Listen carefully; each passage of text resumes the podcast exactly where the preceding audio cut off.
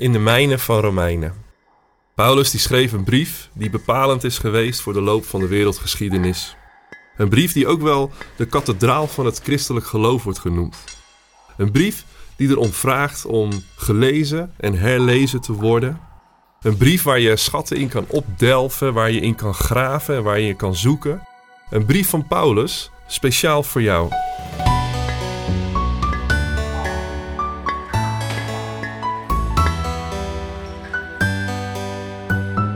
We gaan in deze podcast mijnen in Romeinen.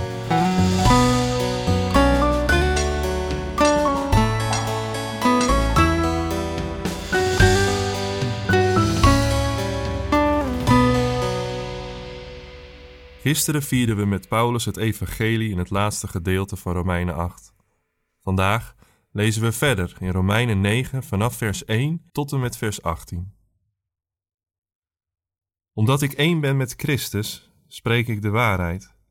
En mijn geweten, geleid door de Heilige Geest, is mijn getuige dat ik niet lieg.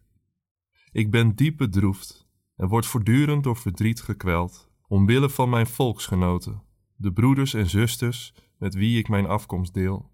Zou ik bijna bidden zelf vervloekt te worden en van Christus gescheiden te zijn, omwille van hen, de Israëlieten, die God als zijn kinderen heeft aangenomen en aan wie hij zijn nabijheid, de verbonden, de wet, de tempeldienst en de belofte heeft geschonken. Omwille van het volk dat van de aartsvaders afstamt en waaruit Christus is voortgekomen. God, die boven alles verheven is, zij geprezen tot in eeuwigheid. Amen. God heeft zijn belofte niet gebroken, want niet alle Israëlieten behoren werkelijk tot Israël. Niet alle nakomelingen van Abraham zijn ook werkelijk zijn kinderen. Er staat immers geschreven: alleen de nakomelingen van Isaac zullen gelden als jouw nageslacht.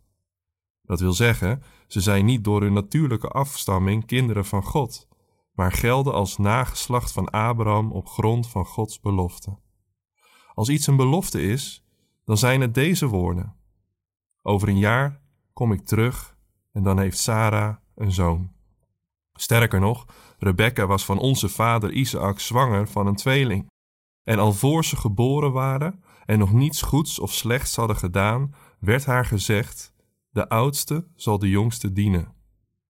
Gods besluit blijft namelijk van kracht. God kiest de mens niet uit op grond van zijn daden, maar omdat hij hem roept. Zo staat er ook geschreven: Jacob heb ik lief gehad, Esau heb ik gehaat. Moeten we dan zeggen dat God onrechtvaardig is?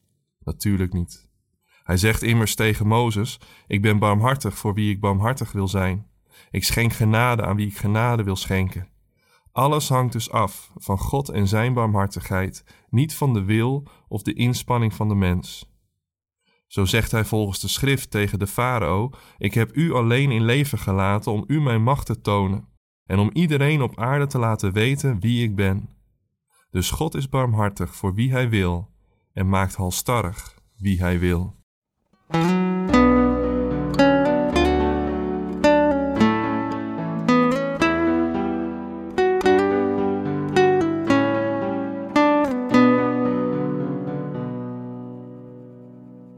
Toen we ongeveer begin 20 jaar oud waren en ons eerste schip gekocht hadden, kregen we vrienden die veel dezelfde routes voeren als wij en die ook net jong begonnen waren, net als wij. Het was een mooie tijd, waarin we hetzelfde soort werk deden, in dezelfde levensfase zaten en dezelfde dromen droomden.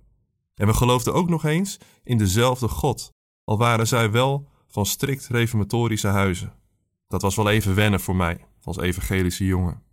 Ik hoorde voor het eerst over de uitverkiezingsleer, waarin je als gelovige afwachtend bent of je wel of niet bent uitverkoren door God tot het heil. Als je dat bent, zal dat door diepe innerlijke ervaringen duidelijk worden. Dit wordt bevinding genoemd. Ik had hier nog nooit van gehoord. Bewijsteksten hiervoor kwamen onder andere uit Romeinen 9, wat we vanmorgen gelezen hebben. Versen die ik in die tijd voor het eerst zag. Versen die we zojuist gelezen hebben. God is barmhartig voor wie hij wil en maakt halstarrig wie hij wil.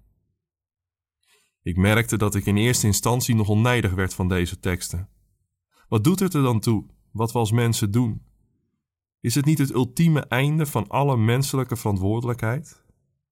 Nog geheel onbewust zat ik head first in het grootste theologische dispuut van de kerkgeschiedenis.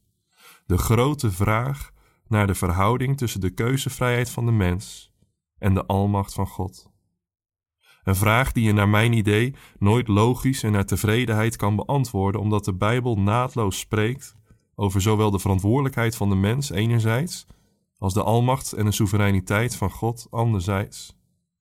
Wat voor ons een tegenstelling is, is in de schrift geen tegenstelling. Beide bestaan naast elkaar. En daarbij komt dat Romeinen 9 eigenlijk helemaal niet gaat over hoe wij als heidenen het heil toe-eigenen. Romeinen 9, 10 en 11 gaan over Israël. Om precies te zijn, over het verleden, het heden en de toekomst van Israël. In Romeinen 1 tot en met 8 heeft Paulus laten zien hoe het leven, sterven en opstaan van Jezus Christus alles in een nieuw licht heeft gezet. Paulus heeft zijn Joodse volksgenoten en de gelovigen uit de heidenen verenigd in het evangelie van Jezus Christus als Gods volvoering van zijn grote heilsplan. Als het antwoord waar Israël al die eeuwen op gewacht heeft, als de vervulling van alle messiaanse profetieën. Een evangelie dat echter een enorme verdeeldheid bracht in de bestaande Joodse structuren. Een verdeeldheid die Paulus op zijn reizen maar al te vaak aan de lijve had ondervonden, in de vervolging en ellende die hem ten deel was gevallen vanaf het moment dat hij Jezus Christus verkondigde als de Messias van Israël. Aan het begin van Romeinen 9 schetst Paulus de voorrechten van Israël, de verbonden, de wet, de tempeldienst en de belofte waarvan de komst van de Messias er eentje is. Nu was de situatie ontstaan dat een groot deel van de Israëlieten deze Jezus Christus verwierpen, terwijl er heidenen waren die Jezus Christus aanvaarden. Paulus wil aantonen dat dit, gezien de geschiedenis die God is gegaan met zijn volk, niet verrassend is. Dat verlossing en heil altijd al bij Gods keuze begonnen zijn en nooit vastgezeten hebben op menselijke inspanningen of afkomst. Gods heil en belofte gaan aan de keuzes van mensen vooraf. Dat is precies de verklaring voor het feit dat de heidenen tot geloof waren gekomen. God beloofde Abraham nageslacht, maar niet al zijn nageslacht was nageslacht op grond van Gods belofte. De lijn liep via Isaac, niet via Ismaël, via Jacob, niet via Esau. Dit is Paulus' verklaring voor het ongeloof in Jezus Christus van een deel van zijn volksgenoten. Niet alle nakomelingen van Abraham behoren werkelijk tot Israël. Gods keuze als verklaring achteraf. Dat was ook Calvijn zijn oplossing in de grote hamvraag naar de verhouding tussen Gods soevereiniteit en menselijke verantwoordelijkheid, gezien de plaats die hij de uitverkiezingsleer gaf in zijn institutie.